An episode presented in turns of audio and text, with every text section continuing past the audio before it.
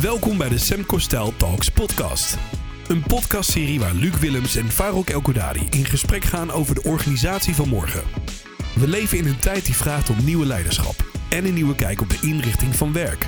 Hoe stel je medewerkers in staat om het beste uit zichzelf te halen? Wat staat organisaties te doen om een aantrekkelijke werkgever te zijn voor huidige en toekomstige generaties? In deze podcast ontleden we deze vraagstukken laag voor laag. Welkom bij de allereerste Semco Style Talks. Een gloednieuwe uh, podcastserie uh, van uh, Semco Style. En mijn naam is Farouk Alkodari en naast mij, rechts van mij, zelfs uh, mijn collega Luc Willems. En onze allereerste gast, en ik ben heel benieuwd hoe dat voelt, is Joël. Joël van den Doel. Welkom Joël. Dankjewel. Leuk dat je er bent. Dank je.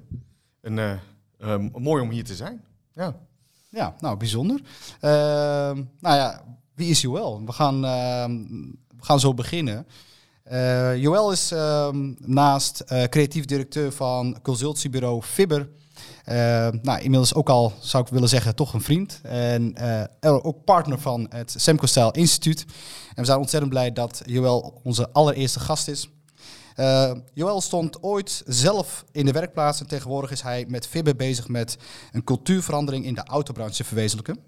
En in deze podcast gaan wij in gesprek over het belang van betrokkenheid, werkgeluk en de noodzaak van de werkgever om aantrekkelijk te blijven voor een nieuwe generatie.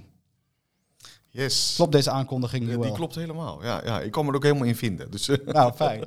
ja. Uh, wat, wat zo leuk is aan deze podcast, mag ik wel zeggen, uh, Joël, is dat wij ook de persoon uh, achter Joël, de creatieve directeur binnen Fibber, leren kennen. Uh, dus we beginnen met een, een aanloopje. En de allereerste vraag die ik aan jou heb is eigenlijk, wie is Joël? En wat ik altijd zo leuk vind, misschien toch wel een hele leuke introductie.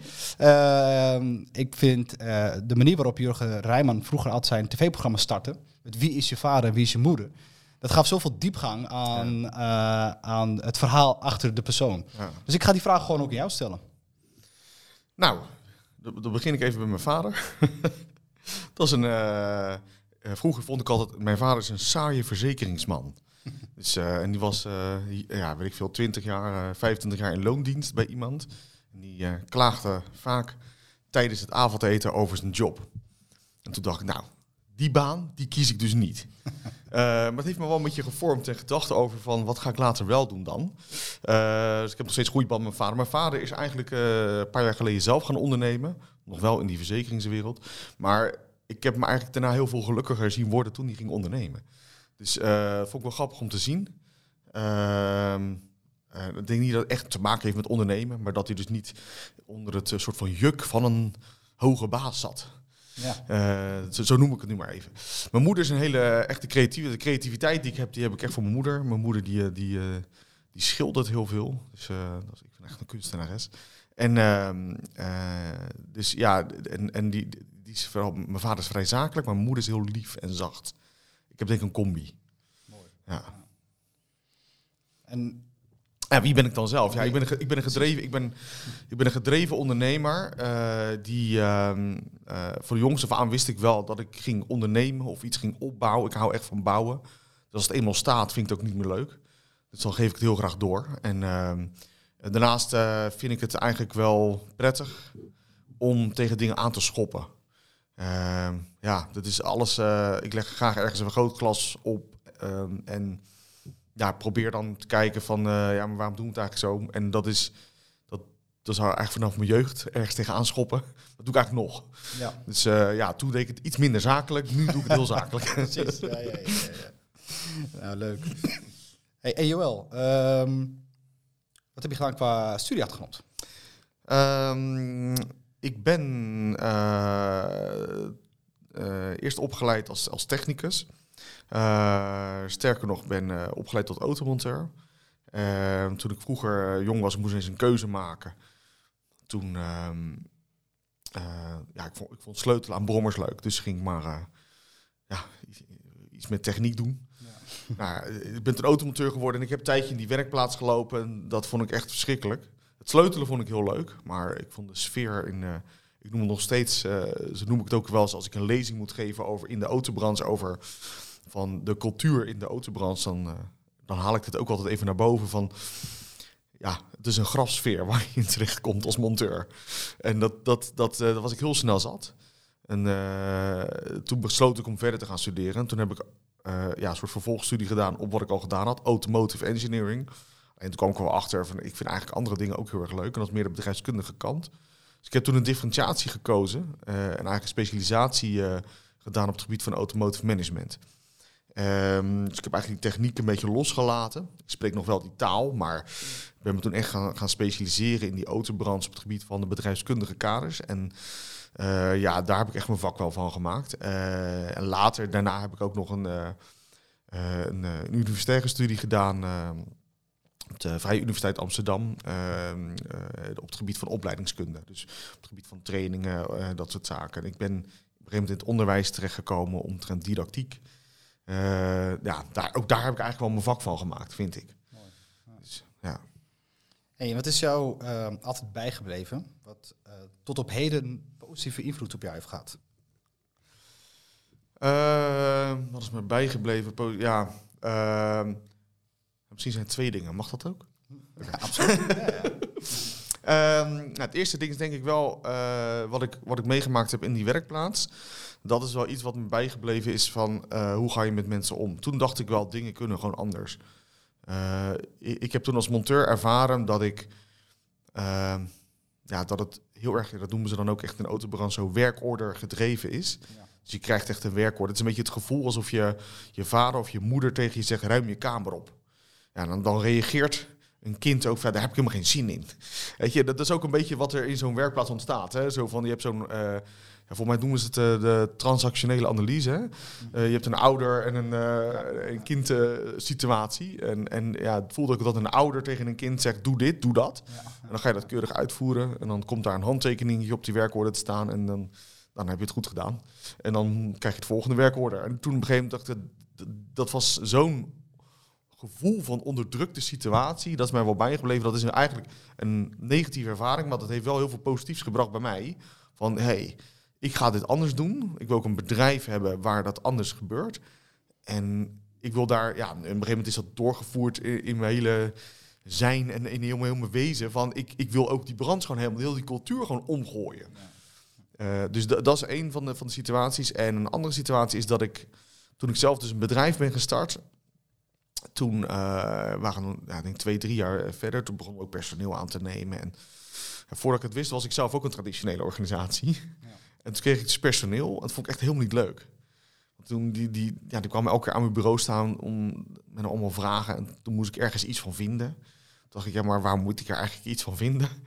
Uh, ik was een soort gevoel dat ik dus brandweerman aan het spelen was. Dus elke keer brandjes aan het blussen. Of politieagent. Van dat ik ook ergens iets van moest vinden of een soort goedkeuring moest geven van dit mag wel, dat mag niet. En dat vond ik echt helemaal niet leuk.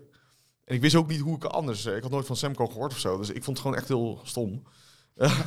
en dan dacht je, als dit nou ondernemer zijn, hè?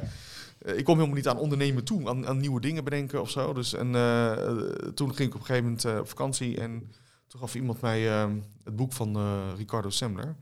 En dat was voor mij eigenlijk wel een soort bevrijding. Van, oh, zo, zo kan het dus ook. ja. ja.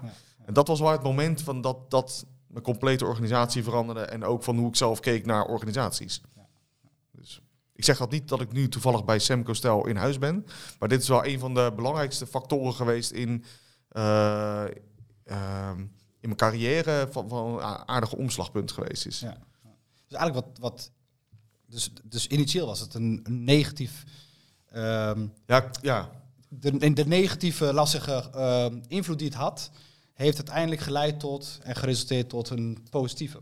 Ja, zeker. Ja, ja, ja. ja kijk, ik snapte wel, hè, ik, snap, ik zie dat nu nog steeds bij bedrijven. Ik begrijp heel goed dat, dat je als ondernemer, ik ben best wel uh, uh, perfectionistisch.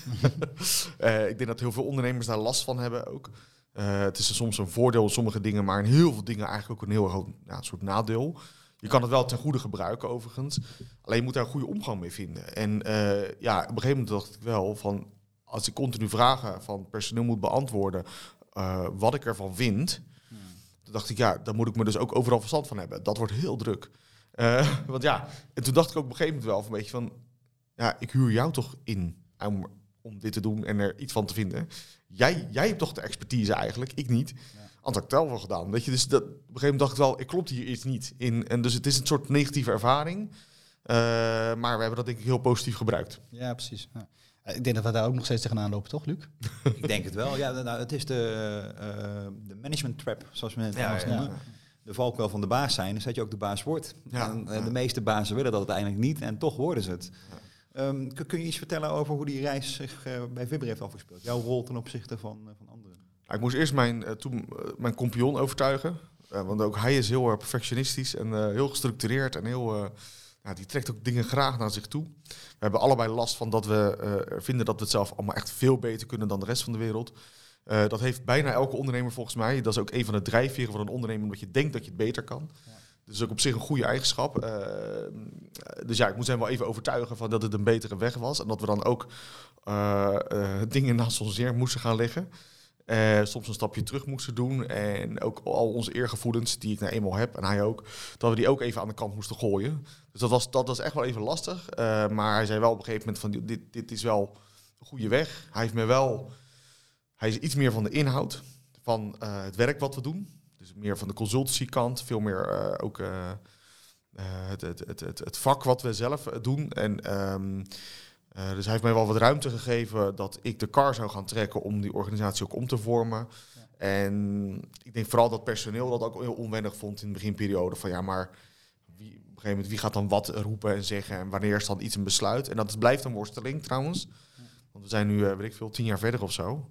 Eh, ja, negen jaar verder, denk ik. En nog steeds is het wel zoeken, omdat je ook groeit als organisatie, dat de besluitvorming continu anders wordt.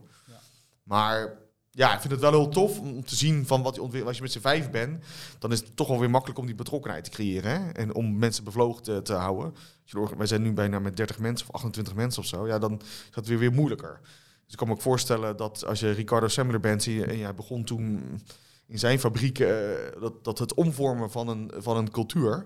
Ja. Eh, ja, er werkte toen iets van 500, 600 mensen, denk ik. Eh, ja, de- hoe doe je dat dan? Weet je, als er 600 mensen zijn, dat lijkt me heel erg lastig. Ik zie dat het bij heel veel bedrijven dat gewoon kan. Eh, maar eh, ik vond het wel lastig in het begin. Maar op een gegeven moment zie je wel, als je op een gegeven moment dat vliegwiel gaat draaien, dan lukt het ook. En zie je het ook... Oh, sorry. Dan, dan dan nog even terug naar dat eerste moment waarop je de, de pogingen doet om uit die klassieke eh, rol te komen. Want ik hoorde je zeggen, ehm, het, had ook iets met eer te maken. Eh, hoe, hoe voelde dat op, op het begin? Nou ja, eer, ja, ja, ja, ja, ik denk het wel. Kijk, ik ben als automonteur begonnen in een werkplaats. Op een gegeven moment ben je directeur van een consultiebureau. Dat doet wel iets met je, omdat je er ook voor geknokt hebt. Dus het is echt wel vechten geweest om op, om op dat punt te komen. Ik heb op een gegeven moment een universitaire studie af kunnen ronden. eh, eh, eh, door wilskracht.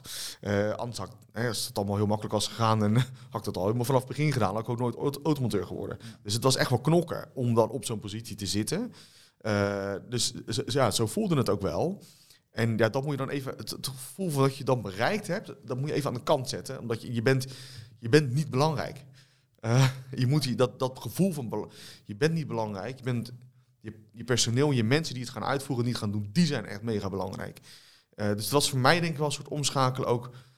eh, ook, ik denk ook wel voor mijn compagnon. Van, ehm, eh, je moet echt je eigen mensen centraal gaan zetten. Wij hadden altijd de slogan, je moet je klant centraal eh, stellen. Nee, Ja. helemaal niet centraal stellen. Je moet je eigen mensen eerst centraal stellen. Dan komt die klant wel vanzelf.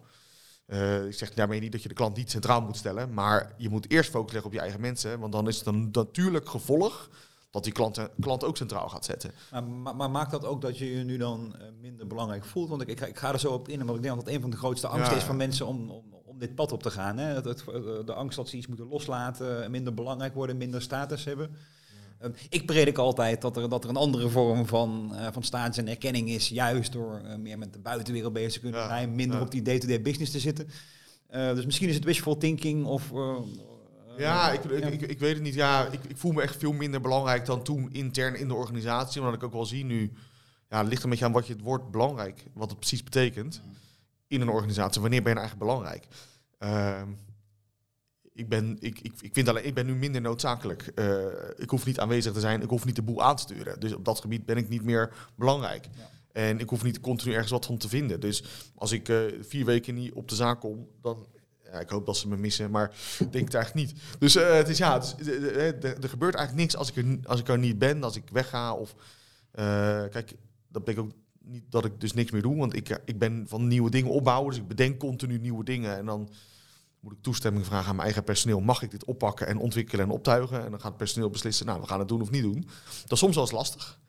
Eh, maar ik, ik, ik, daardoor merk wel van, eh, je- zij vinden mij zeker belangrijk, maar dat is meer vanuit de creatieve kant. En dat zij zien van dat ik de organisatie in een volgend level breng. That's it. Maar als het gaat om inhoud, eh, ja, ik heb helemaal niks meer te brengen inmiddels. Betreft inhoud dan. Ja. Nee, maar ja, dus ik hoor je eigenlijk zeggen dat er ontstaat meer ruimte om aan een bedrijf te werken in plaats van in een bedrijf. Ja, dit- dat is denk ik de grootste sleutel geweest. En dit is denk ik ook wel wat ik echt iedere ondernemer wil meegeven. Die- Dat, dat is, vind ik, mijn denk, grootste fout. Dat je te veel in je bedrijf werkt. En dat vind ik nog steeds moeilijk, hè? Want stel, er er gaat iemand weg in je bedrijf. eh, dan moet het opgevangen worden. Ja. Hè? En we hebben personeelstekort, of dat- wat ga je dan doen? Heel snel weer in je bedrijf werken. Oh, er komen meer opdrachten binnen dan de mensen die we hebben. Nou, dan ga ik zelf die opdrachten oppakken richting een klant. En dat snap ik ook, maar daardoor ga je wel weer in je bedrijf werken. Dus het blijft een worsteling. En ik denk dat we, de- dat we die allemaal wel herkennen. Want eh, zelfs in... Ja, dat zal voor jullie niet anders zijn. Precies. nou ja, maar dat, dat is echt zo. Zelfs in het bedrijf Semco Ja, ja. eh, lopen wij nog steeds tegen hetzelfde aan. En Ja. dat, dat, ik denk dat het een, ik zou bijna willen zeggen, een eeuwige worsteling zal blijven. ja. Eh, en toch zoeken naar gepaste afstand ehm, van, eh, laten we zeggen, de inhoudelijke red race die altijd aanwezig is, Ja. eh, is denk ik een, eh, een hele belangrijke. Heb, je, heb je voor jezelf ehm, ben, je iets, ben je iets tegengekomen van jij zegt, ja, maar dat is, dat is ehm, zo'n enorme fout, misschien zelfs een mislukking, die je met ons zou willen delen, waarvan je zegt, ja, had ik dat maar niet gedaan.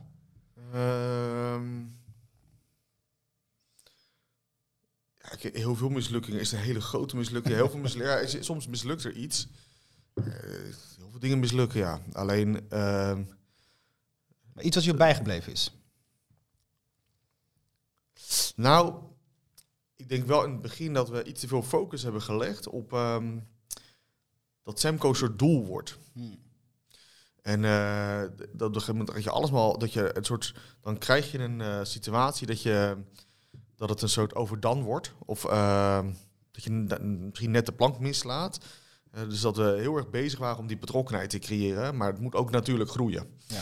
En eh, we hadden ook een tool bedacht van eh, als je dan nieuwe medewerker bent, dan ben je fris, heb je een frisse kijk. Dus dan moet je, we hadden toen een soort idee, een soort constructie bedacht, dat heette, dan hadden we elke maand een teamoverleg. En hadden we een, een, soort ja, ideeënbus, ik weet niet hoe dat toen heette. Een, oh ja, eh, continu verbeter ideetje. Zo heette het volgens mij. CVI'tje. Nou, en als je nieuw was, dan, moet je, dan moest je de eerste twaalf maanden elke maand een CVI'tje indienen. Oh, echt? Ja, Ja, nou, wat, wat, Dat is geen vrije keus. Nee, dat is geen vrije keuze. Je moet gewoon een nieuw idee inbrengen. Maar wat kreeg je dan? Dat, dat mensen dus eigenlijk geforceerd naar nieuwe dingen gingen zoeken. En dat, dat, ja, dat liep alle kanten op een gegeven moment op. Dus weet je, dat soort dingen. dan- En dat, dat, niet dat dat een gigantische mislukking was. Maar het geeft wel aan waar we op dat moment in zaten. Dus het gaat niet van dat is een fout idee. Eh, maar vooral, eh, je bent te geforceerd bezig om Semco een doel te laten zijn en betrokkenheid te verhogen.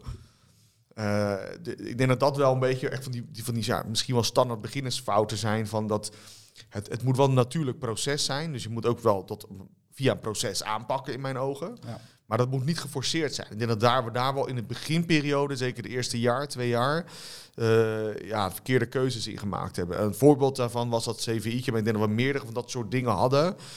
Eh daar hadden we gewoon lekker moeten, links moeten laten liggen. En dat veel natuurlijker, relaxer moeten aanpakken. Ja, Ja. ja. Ja, je bent op zoek natuurlijk naar manieren om de betrokkenheid Dat van, is het. van je... Wij, hadden, wij hadden ook niet een toen. eh, achteraf had dat zeker gekund. Maar toen hadden we ook niet een soort van grote broer of zo. Weet je, waar we, naar, ja, ja. waar we konden afkijken van hoe hebben jullie. Wij hebben het wel. We hebben het boek gelezen. En ik ben andere boeken gaan lezen. En toen hebben we zelf een soort strategie bedacht. Ja. Ja, en achteraf denk ik, had ik misschien meer moeten afkijken. Of moeten connectie moeten gaan zoeken met bedrijven die verder waren op dit vlak dan wij waren. Ja, dat brengt me wel op, op het volgende. Want hoe, hoe blijf je dan op de hoogte van alles wat er om je heen gebeurt? Hoe bedoel je? Met omtrent Nou ja, eh, de. Als je puur kijkt naar organisatieontwikkeling, de trends, Ja, eh, ontwikkeling in de, in de wereld. Bijvoorbeeld ook zo met de, de, de post-pandemie eh, situatie. Ja, ja, ja. Ja, ik- denk dat, dat we in, ehm, hoe wij dat dan in binnen Veerberg gedaan hebben, eh, is, of dat dan de beste weg is, dat weet ik niet, maar ik denk het eigenlijk wel. Nou ja, dat is gekheid. Eh, wij hebben op een gegeven moment een keuze gemaakt dat, dat mijn rol wat een wat vrijere rol is. Dus Ja. ik ben ook creatief directeur, eh, hoe je het ook wil noemen, innovatiedirecteur. no- no- eh, ja, die naam boeit niet, maar het geeft wel een beetje de rol aan eh, die, die ik heb. Waardoor ik ook de verplichting heb en daarmee ook de verantwoordelijkheid heb om goed te kijken wat zijn ontwikkelingen, waar kunnen we op aanhaken, welke treinen rijden voorbij en kunnen we op inspringen. Eh, eh, dat, dat is wel mijn rol. En dat, dat- is wel ja, veel lezen, veel connecties vormen met bedrijven die in dezelfde hoek zitten. Eh, en dat is ook gewoon heel veel dingen doen op het gebied van webinars, podcasten luisteren, boeken lezen. En je om, eh, te omgeven met mensen die eh, een beetje in diezelfde denkwijze zitten. En die. ehm, en en eh, dus dat is een van de redenen, denk ik, waarom wij ook met elkaar in contact zijn gekomen. Hè? Dus Ja. dat, dat Fibber en, en, en eh, Semco eh, stel eh, een connectie hebben gevormd. eh, ja, dat is, dat, is, dat is geen toeval. Dat is gewoon Nee. bewust op een gegeven moment van... hé, hey, dat is een partij die is daar ook mee bezig. En Ja. ik ben best al veel bedrijven langs geweest op den duur die hiermee bezig waren. Ja. Bedrijven die minder ver dan wij waren, maar ook bedrijven die verder waren. Ja. En dat, dat, heeft me, dat heeft ons gevormd. Dat heeft, eh, ja, dat zit met die pandemie ook. Ga ik ook kijken, hoe doen dat soort bedrijven nou omgaan met die pandemie? Ja. Dat, ja, ik heb dus een hele hype geweest over de hybride werken en zo. En over, eh, Mm. ja, dat vond ik allemaal niet zo Nog spannend. steeds. Ja. Ja, Ja, ja. heel spannend was dat niet voor Nee. jullie en voor ons. Nee, nee, Want dat, dat deden wij al, dat had helemaal niks met corona. Alleen, nu zijn veel meer bedrijven aangehaakt op dit onderwerp bijvoorbeeld. Ja. Dus het is een mooie bijkomstigheid omtrent het onderwerp. Hè? Alleen, ja, wij hebben niet heel veel aanpassingen hoeven doen op dat vlak in ieder geval in onze organisatie. Ja. Ik denk jullie ook niet. Nee, absoluut niet. Ik denk dat het eh, voor ons eigenlijk een heel natuurlijk proces was. Ja. Ehm, ja, weet je, ik denk dat de grootste verandering voor ons is geweest natuurlijk dat je elkaar, eh, nou ja, letterlijk minder zag. En dat, dat is misschien nog wel een dingetje. Ja, dat, dat is zeker Eh, waar. Ja. En dat speelde natuurlijk ons ook Ik denk dat net, net als heel veel organisaties. Ja. Nou, dat, dat, dat vind ik wel een goed punt wat je nu zegt. Ik, dat heb ik wel, dat hebben wij, moet ik zeggen, echt in het bedrijf zo ervaren. Dat heel flexibele werken was no, eh, no issue voor ons. Eh, Ja. Dus eh, dat, dat ging super makkelijk. En eh, ja, we werkten ook in de cloud. Mensen werkten, interesseerden al ons helemaal niet waar mensen werkten. Op kantoor, thuis, op het strand, op de skipiste. Dat maakt me helemaal geen reet uit. Nee, precies. Maar wat we wel hebben gemerkt, dat we een stukje verwijdering van elkaar kregen. Ja. Ja. Dus, eh, en dat, dat, is, dat is wel een... een dus die, die ontmoeting, eh, wij hebben ons kantoor door het personeel laten inrichten. Van ontwerp nou zelf het, het, eh, hele kantoor, hoe jij het wil. Nou, ze hebben zelf bij ons een bar laten bouwen midden in het kantoor. Dat het een soort ontmoetingsplek werd. Ja, ja, ja. ja, we, wer- we werken door de week zo niet heel veel op kantoor. Dus op de vrijdag een soort, eh, ja, een soort clubhuisgevoel.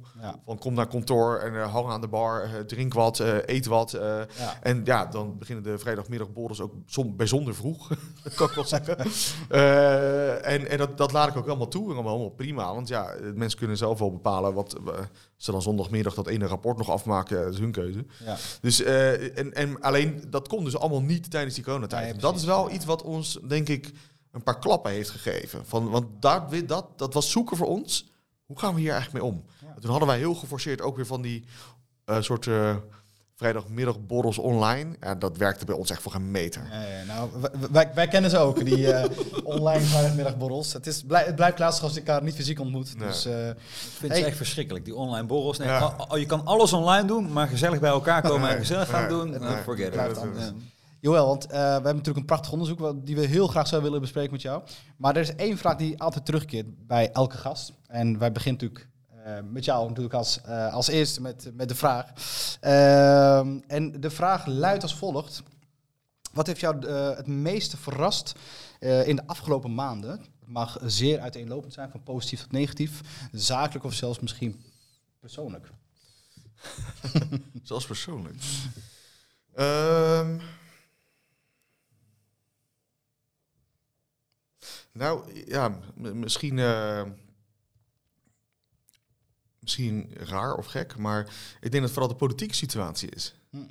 Ja, dan gaan we dit niet, denk ik, uh, dit is niet het goede platform om heel politiek uh, betoog te houden. uh, nee, nee. Nou ja, tenzij het in 10 seconden kan doen. nou, ik, ik vind wat ik me verbaas heb bijvoorbeeld over de, de, de formatie bijvoorbeeld. Ja. de, ik, als je dan kijkt over, als we dan hebben naar hoe wij denken en georganiseerd zijn over het vormen van connectie en vertrouwen en, en als we daarover hebben en als ik zie hoe de politiek functioneert richting uh, de maatschappij. Als we het hebben over vertrouwen, dat is een van de vijf eerste, dat is de eerste ja, Semco-pijler. Ja, hebben we het over vertrouwen, maar ook bijvoorbeeld ook over transparantie en ook over stakeholder alignment. Dan denk ik, dit, uh, dat is echt averechts van wat de politiek eigenlijk afgelopen maanden gedaan heeft. dus ik denk dat dat een, een van de dingen is waar ik me ook wel een soort van, nou niet druk om gemaakt heb, dat is veel te groot woord ervoor, maar wel flink over verbaasd heb. En ik, ik, ik, kan het gewoon niet, ik kan er gewoon niet bij. Ik kan niet begrijpen waarom zou je niet open kaart spelen met, met de plannen die je hebt of dingen die je. Uh, ook gesprekken die je voert met tussen en even buiten van welke politieke partij dan het beste is, of het goed doet of niet goed doet. Ik denk dat alle politieke partijen hier keihard schuldig gaan zijn. Ja. Dus, en dat zie je nu ook een beetje, nu eigenlijk bij de aanloop naar die gemeenteraadsverkiezingen, zie ik eigenlijk precies hetzelfde gebeuren op lokaal vlak. Ja. Dus uh, op een of andere manier krijgen we het in bedrijven steeds meer voor elkaar om transparanter te zijn, maar op politiek vlak absoluut niet. Ja, ja. Dus en hoe mooi zou het zijn als je op politiek niveau wel transparantie kan creëren en vertrouwen kan uitstralen. En dat je gewoon leert communiceren over uh, cijfers, over wat ga je doen, waar wil je naartoe, waar staan we nu. Hmm. ja, dat. Ja. Nee, helemaal eens. En ik denk dat uh, misschien dat, dat jouw onderzoek daarbij bij kan gaan helpen, uh, Joël. want ik denk dat het, uh, het onderzoek is, is het is een hele mooie brug, want ehm, wat, het gaat over betrokkenheid. Ja. En ik denk dat wat jij zei, een van de belangrijkste pijlers blijft gewoon vertrouwen. En ik denk dat, ehm, dat de politiek daar heel veel nog van kan leren. Ja. Dus misschien even, even heel kort, kan je in, in, in een minuut uitleggen wat het onderzoek behelst? Ja, uh, dat, dat kan zeker. Ik, we, hebben onderzoek gedaan uh, naar uh, de cultuur in de, in de autobranche. En daar vooral gekeken naar wat op dit moment de betrokkenheid is, in de mate van betrokkenheid en de mate van werkgeluk bij personeel. hoe ervaren ze dat? waar liggen daar de grootste knelpunten? dat hebben we eigenlijk in kaart gebracht op basis van echt metingen, dus cijfermatig. maar ook kwalitatief, dus door allerlei interviews uh, te organiseren. En dat is wel op directieniveau, als uh, met brancheorganisaties, ook het onderwijs, uh, wat we daarin betrokken hebben. Dus ook, nou, maar ook echt dus met de autoverkoper, de automonteur, de magazijnman. Ja. dus op eigenlijk alle lagen van de organisatie. Ja. Dus, en wat, wat sprong eruit? Wat conclusies over betrokkenheid als thema? Uh, nou ja, ik denk dat het wel een beetje in lijn der verwachting lag. Uh, want we zijn niet voor niets dat onderzoek gestart, omdat we een soort gevoel hadden.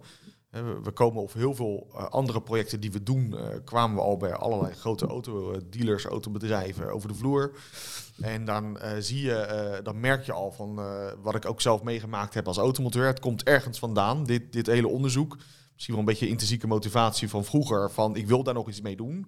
Hoe ik dat zelf ervaren heb. Ik heb dat ook niet bij één bedrijf ervaren toen, maar denk bij drie, vier bedrijven waar ik gewerkt heb. Waar ik dacht, ja, het is eigenlijk hetzelfde. Het maakt helemaal niet uit waar je in die autobranche werkt. Maar nou, 9 van de 10 bedrijven die hebben een, een grafsfeer in de werkplaats. Durf ik wel meer middels te zeggen. Dat kan ik ook onderbouwen inmiddels.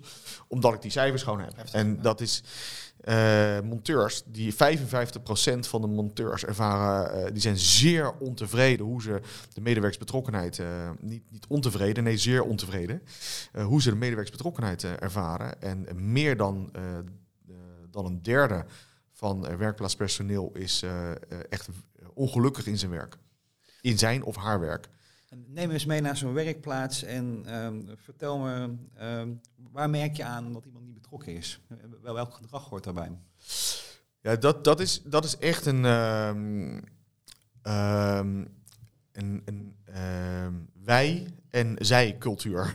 Uh, dus uh, je hebt er ergens, is het, uh, het management, die heeft weer wat bedacht. Dat. en ja, ze lullen maar wat.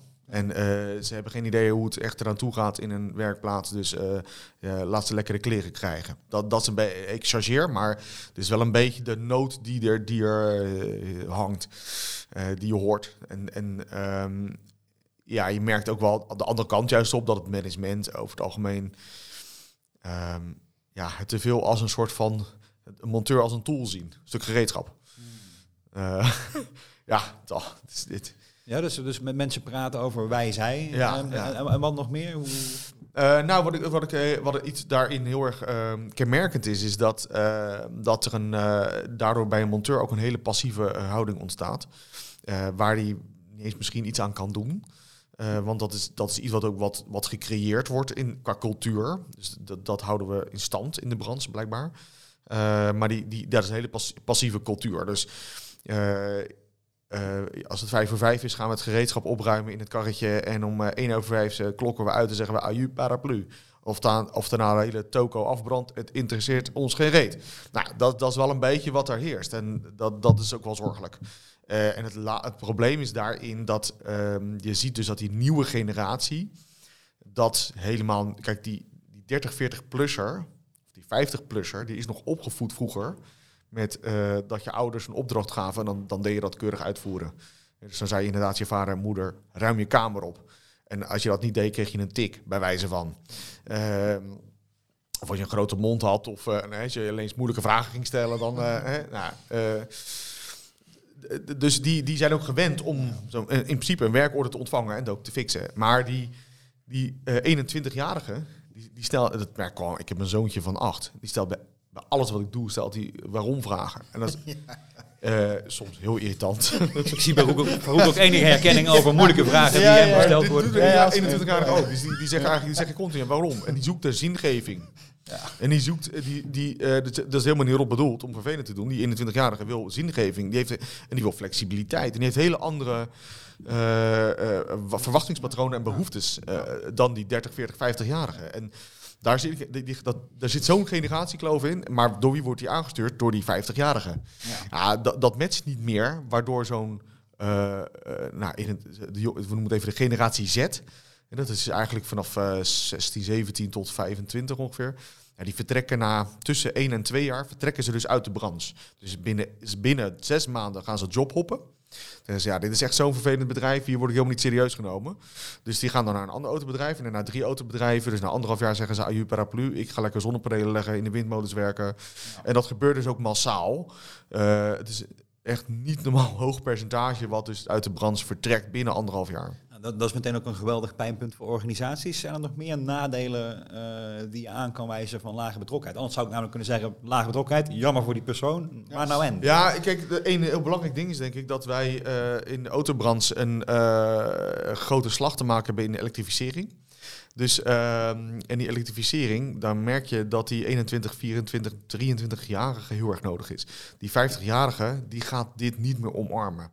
En we moeten daar zo'n grote slag omtrent technologie in maken, dat die 21, 22, 23-jarige daar veel makkelijker in meegaat. Dus we hebben die generatie ook keihard nodig. En dat zien autobedrijven ook wel in. Ehm, alleen helaas denkt een autobedrijf eh, eh, vaak, eh, ja, ik zal het netjes zeggen, wat korter termijn. De, maar we, hebben, we, we creëren een groot probleem over twee, drie jaar. zelfs al over anderhalf jaar, denk ik. Omdat die elektrificering gaat nu enorm hard. Er zijn echt veel merken die nu... de- de- eerst was Tesla een beetje de enige die een elektrische auto had. Hè. En Er kwam nog een ander merk bij. eh, had je nog een Nissan Leaf. En, eh, Ja. eh, er is geen merk meer die er niet mee bezig is... en die nu op dit moment een auto op de markt brengt die elektrisch is. Dus dit gaat nu zo hard dat we eigenlijk meer jonge mensen nodig hebben in de branche om aan de slag te gaan met die technologie, nieuwe technologie. En, Ja, en- dat- en- dat en is- dus is een ander pijnpunt, het, het denken aan de organisatie van morgen. Het Ja, ja, vooruit ja, ja, ja. Ik, ik merk dat een autobedrijf niet, ja, niet, dat is, dat is niet, niet, niet, niet, waar. Het is te weinig bezig is met toekomstbestendigheid. Ja, ja. en daarmee, daar, daarmee raakt het wel ook ehm, aan twee dingen die, ik- die ik vaak zie als ik zelf denk aan het thema eh, betrokkenheid. Namelijk of mensen denken aan het grotere plaatje en de dag van morgen eh, en het geheel. Eh, want gewoon je werk doen is één ding, Ja, weet je, maar, maar samen denken, hoe worden we beter met elkaar? Eh, en je daar ook onderdeel van voelen, ja, daar...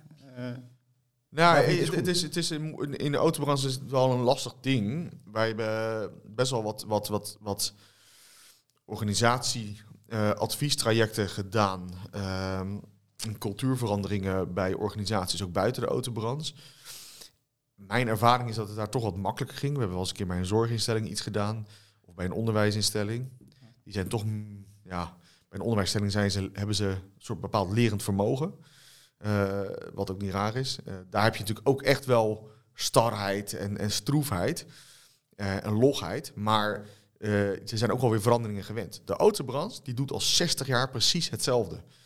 Dus en heel veel mensen denken de autobranche is heel innovatief. Dat is wel waar. Dat is, op technologisch vlak is dat zo. Dus de autobranche loopt op bepaalde vlakken technologisch gezien echt wel voorop. ten opzichte van andere branches. Andere branches volgen op het gebied van technologie de autobranche. Maar als je puur kijkt naar organisatiekunde, dan lopen ze 60 jaar achter. En dat is echt wel bedroevend. Eh, en dat, dat is, ja, zeg, maar, zeg dan maar eens tegen een directeur die al 30, 40, 50 jaar een bedrijf leidt of nog aan het hoofd staat. Zeg maar even, ja, dit, dit is niet toekomstbestendig. Op deze manier ga je het niet meer redden. Dat, dat is moeilijk uit te leggen. Ik vraag me dan af, is dat dan bijvoorbeeld bij een bedrijf als Tesla, is dat dan heel anders? Want ik, nou ja, goed, ik heb een Tesla en Ja. eh, ik ben met enige regelmaat ben ik nog wel eens op de werkplaats geweest. Ja. Maar het, het ziet er ook nog vrij traditioneel uit. Nee, Tesla is niet, zeker niet anders. Nee, de, Tesla is heel ver met technologie. En die zijn ook wel goed bezig met de organisatiekundig vlak op het gebied van, ik, eh, ik noem het altijd maar een soort ketensynchronisatie. Dus. Mhm. de keten is wel anders. Hè. Je hebt meer- je hebt de dealer en de importeur. En dat is een heel andere keten die ze hebben. Dus dat is minder traditioneel. Maar de cultuur en de hiërarchie die is nog hetzelfde. Sterker nog, eh, ik durf te zeggen dat bij eh, Tesla de, misschien wel meer hiërarchie is dan andere bedrijven. Ehm, dus eh, maak vooral geen ruzie met je baas. Dat is een beetje hoe dat bij Tesla nog wel, wel is, her en der. Ik wil niet alle Tesla-organisaties of afdelingen op één- aan één kam scheren, maar het is wel een beetje... de- de- ja, het is, de hiërarchisch is het zeker. Ik denk dat ze daar ook van terug gaan komen. Dat ze ook wel zien dat het geen houdbare situatie is. Ik vind wel dat er een aantal merken zijn die een uitzondering maken hoor. Dus er is bijvoorbeeld een merk. eh, ik weet niet of ik het merk mag noemen, maar. eh, Voor mij wel. Ja, eh, d- Tenzij Luc bezwaar heeft. eh. Nee, ik eh, vrees ik er niet. Eh, ik ga geen reclame maken voor dat merk, dus ik zeg niks over het product en over de auto of wat ook. Maar er is één merk die hier wel meer mee bezig is dan andere merken, gemiddeld gezien hoor. En dat is bijvoorbeeld Toyota. Dat is eigenlijk vanuit de fabrikant al. Ja, ja. Dus, eh, en dat, dat is, die, die hebben ook echt een wereldwijd programma waar ze al, waar een heel groot onderdeel, dat heet Brit, dat programma. Ik weet eigenlijk niet eens meer waar het voor staat. Maar in de onderdeel van het Brit-programma is medewerkersbetrokkenheid. Dus dat is een van de eerste partijen in de wereld binnen de autobranche die hier keihard mee bezig is. Of dat dan overal goed uitpakt, dat is nog de vraag. Maar eh, ja, wij, we zien wel dat, dat zij eh, meer energie steken dan andere merken, importeurs of dealerholdings. Dus, maar ik moet wel zeggen dat, dat, dus ik, wij hebben toen wij het onderzoek wat wij eh, gedaan hebben, dat hebben wij in december gepubliceerd. En er zijn best wel een hoop eh, eh, grotere dealerholdings. Het zijn dus echt in de top 15 dealerholdings. Die echt opgestaan zijn en zeggen, hier moeten we wat mee doen. Dus het besef is er wel. Van hoe we dat dan moeten doen. En hoe we dat gaan aanpakken. Dat is allemaal heel spannend, vinden ze. Of vinden ze lastig of moeilijk. Hè? Dus daar, daar merken we dat we steeds meer ruimte krijgen, ook bij dat soort bedrijven. Maar we zitten wel echt op directieniveau nu om tafel met meerdere de grotere dealerholdings. Echt de grootste van Nederland. Die zeggen we moeten hier iets aan doen. Want dit is inderdaad geen houdbare kaart. De drijfveer, of de motivatie, daar zit nog wel... eh, dat is nog wel wat anders hoe wij erin staan. Dus hun drijfveer, motivatie is eh, vooral van... we hebben gewoon een gigantisch personeelstekort. Vooral de jonge Ja, generatie. Ja. En eh, het is, nou, ik, ik, ik, ik, het is misschien iets te zwart-wit wat ik nu zeg, maar kijk, zoals het bij ons geboren is, wij wilden een mensgerichte organisatie krijgen waar een andere cultuurwaarde. Ik, ik weet niet zeker of zij echt bezig zijn met, we willen een andere cultuur hebben, zij willen hun personeelstekort oplossen. Ja. En zij zien als we beter werkgeverschap creëren, houden we ook meer mensen vast en zijn we aantrekkelijker voor nieuwe mensen. Eh, dus de motivatie, het resultaat misschien wel hetzelfde, maar de motivatie komt nog ergens wat vandaan. Ik, het is iets te zwart-wit. Ik weet wel dat een aantal dealerholdings ook echt wel bewust zijn dat er een andere cultuur nodig is. Hoe begin je aan zo'n andere cultuur? Wat zijn nou eerste stappen om te zetten? Nou, het zo, zo simpel mogelijk maken. Ik merk altijd eh, als ik vertel over dat wij een compleet zelfsturende of zelf, eh, zelforganisatie zijn. Eh, als Fibber. Dat, eh, en kijk, wij gaan daar best ver in. Bij ons, bepalen mensen, eh, medewerkers hun eigen salarissen. Dus onbeperkt vakantiedagen. Maken ze zelf alle begrotingen. Dus zijn ze zelf verantwoordelijk voor de financiën. Dus dat is natuurlijk heel vrij. Als ik dat vertel, dan, dan, dan, en ik vertel dat aan een gemiddelde directeur van een groot autobedrijf, die valt achterover. Die zegt, ja, dit gaat niet gebeuren. Nee. Dus dat snap ik ook. Dus ik, dit is, dit is, ehm, maar er zijn wel dingen die je wel kan oppakken, die niet gelijk op dit vlak zitten.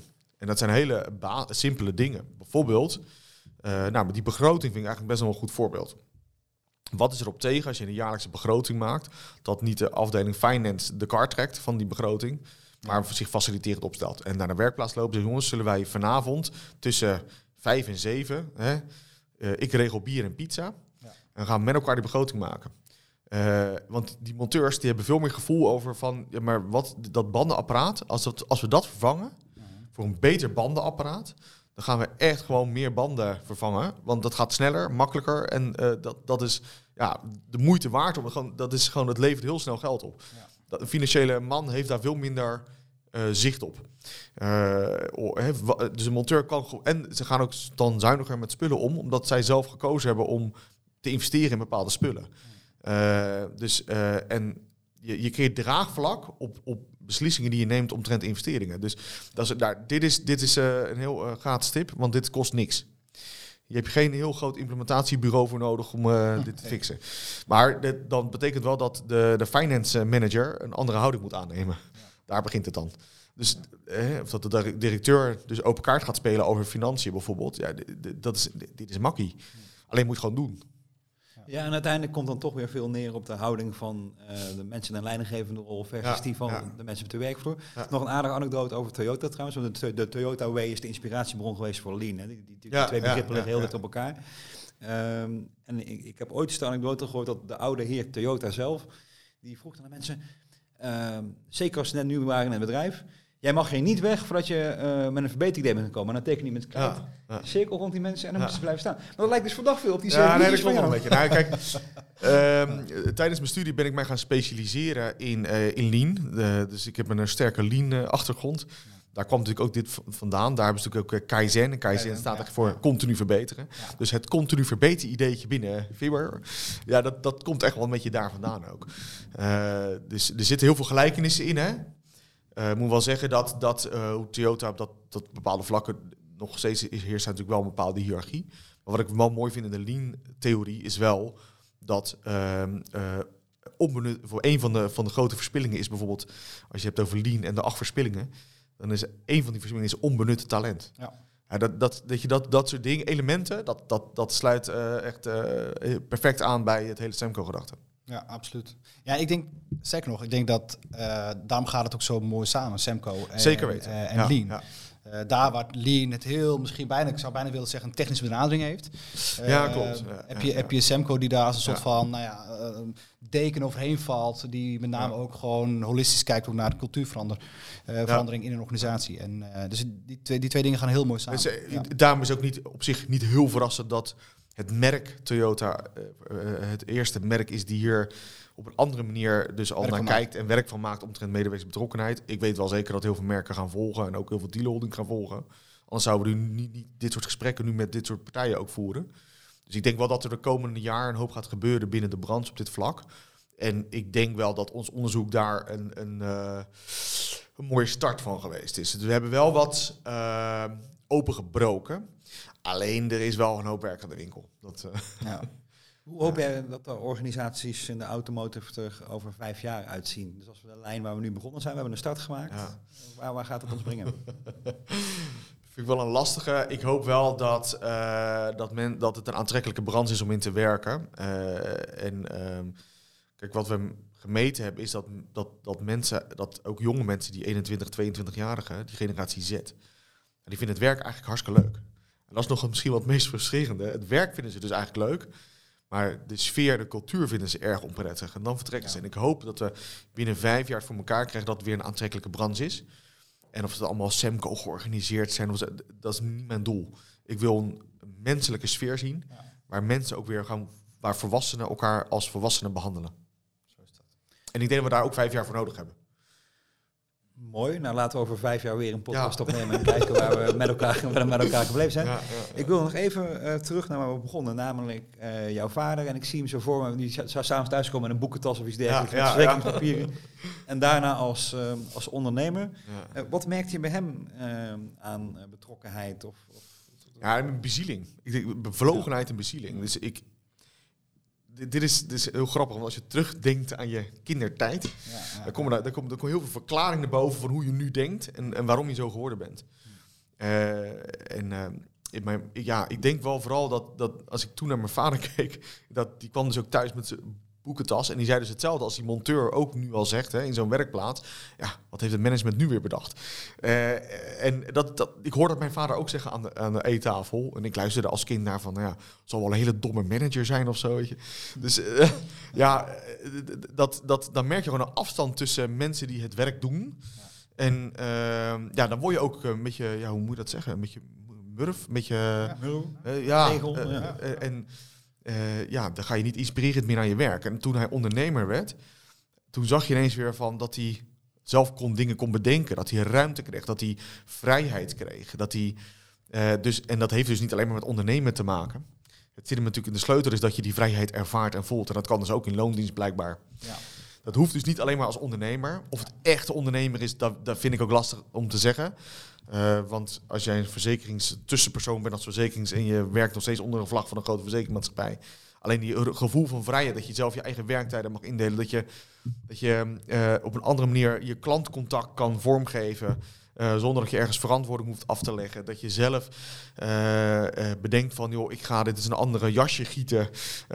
Dat, dat, en je hoeft niet zeven lagen door om toestemming te hebben.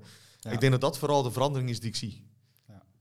Ja, en- daar, daar haal je er eentje aan die trouwens qua belang niet te onderschatten is. Zelf je, zelf je werk kunnen bepalen en je werktijden kunnen bepalen. Ja, Eh, het zal nu steeds meer schering en inslag worden. hè. Zelf bepalen waar en wanneer je werkt. ja, ja. Maar Dat is een essentiële eh, factor voor mensen. De, het gevoel dat je zelf eh, je leven in kan delen en je tijd in kan delen. Dat klopt. Ja. Ik, dit, is, dit is echt een, een heel mooi punt. Ik, eh, mijn vader heeft een camper. eh, sinds een jaartje of twee. Nou, het, eigenlijk het moment dat hij ondernemer werd, eh, ze- zei hij, ik ga een camper kopen. Wat moet jij nou met een camper, man? Doe even normaal, joh. Dus in het begin ging hij heel veel, ook door Nederland zelf, gewoon reizen. En dan belde een klant eigenlijk een maat had zijn laptop bij zich. En dus hij, hij ging heel veel reizen. eh, Duitsland, België, Frankrijk, Nederland. En, ja, en elke keer als een klant belde, hij kon perfect gewoon regelen. Alles op afstand. Eh, en dus op een gegeven moment zei een klant van... joh, eh, ik, ja, ik heb een grote schade. Een grote, hij zit heel veel in de tuinbouwsector. Er was een storm geweest, heel veel glasschade. Dus daar kom ik toch even langs. Nou, dat was 2,5 rijden, even langs. En dan ging hij weer weg met die camper. En toen dacht ik, wat een vrije leven. Terwijl ik denk dat hij meer klantcontact heeft en dieper contact heeft met die klant dan hoe hij dat vroeger deed als keurig verzekeringsagentje met zijn stropdasje en zijn aktentasje. Dus ook, ook persoonlijker is het nu. En dat is, eh, ja, en dan merk je van hoe, wat vrijheid doet. Eh, daarom zeg ik, zet nou je, eh, je werk en je mensen centraal, dan komt die klant echt vanzelf. Want dat wordt een natuurlijk gevolg. Ja, ja mooi. We gaan langzamerhand eh richting het einde. En eh, ik weet, of, of Luc, ik weet dat jij eh, geweldig kan samenvatten. heb, je, heb je voor jezelf bedacht wat de highlights zijn van, van dit prachtige eerste gesprek? En hopelijk één van, van velen.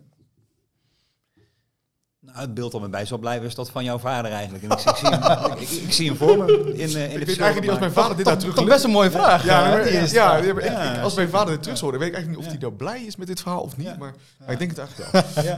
Nee, ik, ik- ik ga niet proberen het hele gesprek samen te vatten. ehm, maar ik denk dat de, de vraag waarmee we begonnen en eindigden sowieso een hele goede is om eh, voor luisteraars ook om zichzelf te stellen. Namelijk welk gedrag wil je nou zien? En ik denk dat dat misschien wel de, de belangrijkste extra tip is die ik nog kan toevoegen. Dus in plaats van een samenvatting als toevoeging, denk over gedrag. En hoe ziet het eruit? Wat zie je mensen doen? Hoe gedragen ze zich? Weet je, en wanneer doen ze dat? Hoe meer je dat filmpje voor je ziet, hoe meer je ook kan bepalen eh, of je op de goede weg bent. Want het is heel makkelijk om over grote thema's te praten. Ja. Weet je, over betrokkenheid en werktevredenheid. En een enquête uitsturen is misschien wel makkelijker dan een goed gesprek voeren met elkaar. Ja, over ehm, wat verwachten we van elkaar? Eh, wat vinden we dat daarin goed gaat, wat niet? En überhaupt dat gesprek voeren met elkaar. ehm, die nog als toevoeging. Ook daar kan denk ik voor heel veel mensen een goed Ja, dat begint bij aandacht. ja. Eh, wat je zegt, zo'n enquête sturen. Ik, ik zie dat heel vaak bij HR-afdelingen waar ik nu over de vloer kom. Nou, we hebben net weer een medewerkerstevredenheidsmeting gedaan. En eh, we scoren een 7,5. En, eh, vro- vroeger scoorden we een 7. En echt goed Ja. gedaan. En eh, we zijn echt goed bezig. En, eh, maar als dan in, die, in zo'n, bij, in, ja, gewoon op de werkvloer rondloopt, dan, dan proef ik dat helemaal niet. Eh, de, de, en dat, dat, de- ja, wat je proeft, ruikt en hoort, dat zegt zoveel over wat er gebeur, werkelijk gebeurt in de organisatie. En dan, dan, als je het gesprek aangaat met de werkvloer, dan merk je wel, ah, dit, dit, ontbreekt aan aandacht. Eh, want dan, als je echt, ook al ben je niet helemaal zelfsturend georganiseerd, boeit niet. Als je meer aandacht aan je eigen mensen gaat geven, dan groeit echt die betrokkenheid, het werkgeluk eh, en ook dus ook echt het gedrag verandert gewoon. Maar het begint echt bij aandacht. Eh, soms één op één, soms in een team, maar het is echt gewoon aandacht. Mooi. Mooie afsluiter, eh Joël. We zijn ehm, deze podcast begonnen met jou heel veel vragen te stellen. Maar we eindigen elke podcast met ehm, de stelling dat de gast de vraag mag stellen aan de volgende gast. Waarmee we dan vervolgens weer eh, beginnen met ehm, eh, de podcast voor de volgende ronde. Dus aan jou de eer. Eh, onze volgende gast is Arco van Brakel. naast compagnon en partner binnen Semco Style. is het ook iemand die natuurlijk enorm bevlogen is rondom dit thema. Dus ik ben heel benieuwd welke vragen jij aan Arco hebt. Ja, ik ken Arco een beetje. Ehm, en Arco heeft veel gezien, veel meegemaakt. Eh, ook, ook heel veel fouten gemaakt.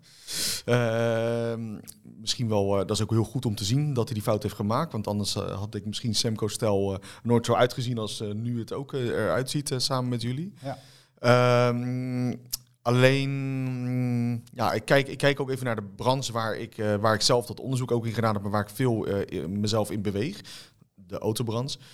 Ehm, ik vind eigenlijk wel interessant, hoe kijkt Arco ernaar dat ehm, eh, als een directeur of een leidinggevende van een organisatie, het bijvoorbeeld al 20 of 30 jaar, die staat al 30, 20, 30 jaar aan het hoofd van een organisatie.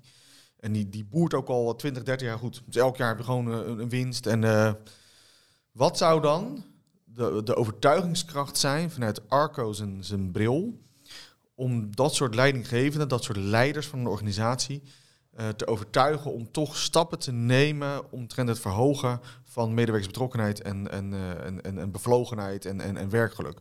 Ehm, eh, want die noodzaak is er niet. Want ja, waarom zouden we heel veel energie, tijd, geld stoppen in iets wat al jaren toch gewoon prima gaat? Ja, Waar is die noodzaak dan? mooi. Nou, mooie vraag. Ik ben benieuwd hoe die hem gaat beantwoorden. Eh, ja. Nou, heel veel dank. Dank voor ehm, eh, dat je onze gast wilde zijn. Onze eerste gast van hopelijk een hele mooie reeks van eh, podcast. eh, hier vanuit de Semco Style Studio. Nogmaals met mij Joël van den Doel, creatief directeur van consultiebedrijf Fibber. Dank, Joël. Ja, jullie ook. En eh, dank collega en co-host Luc Willems. Mijn naam is Faruk Okaradi en tot de volgende keer. Semco Style Talks. Werken in de wereld van morgen.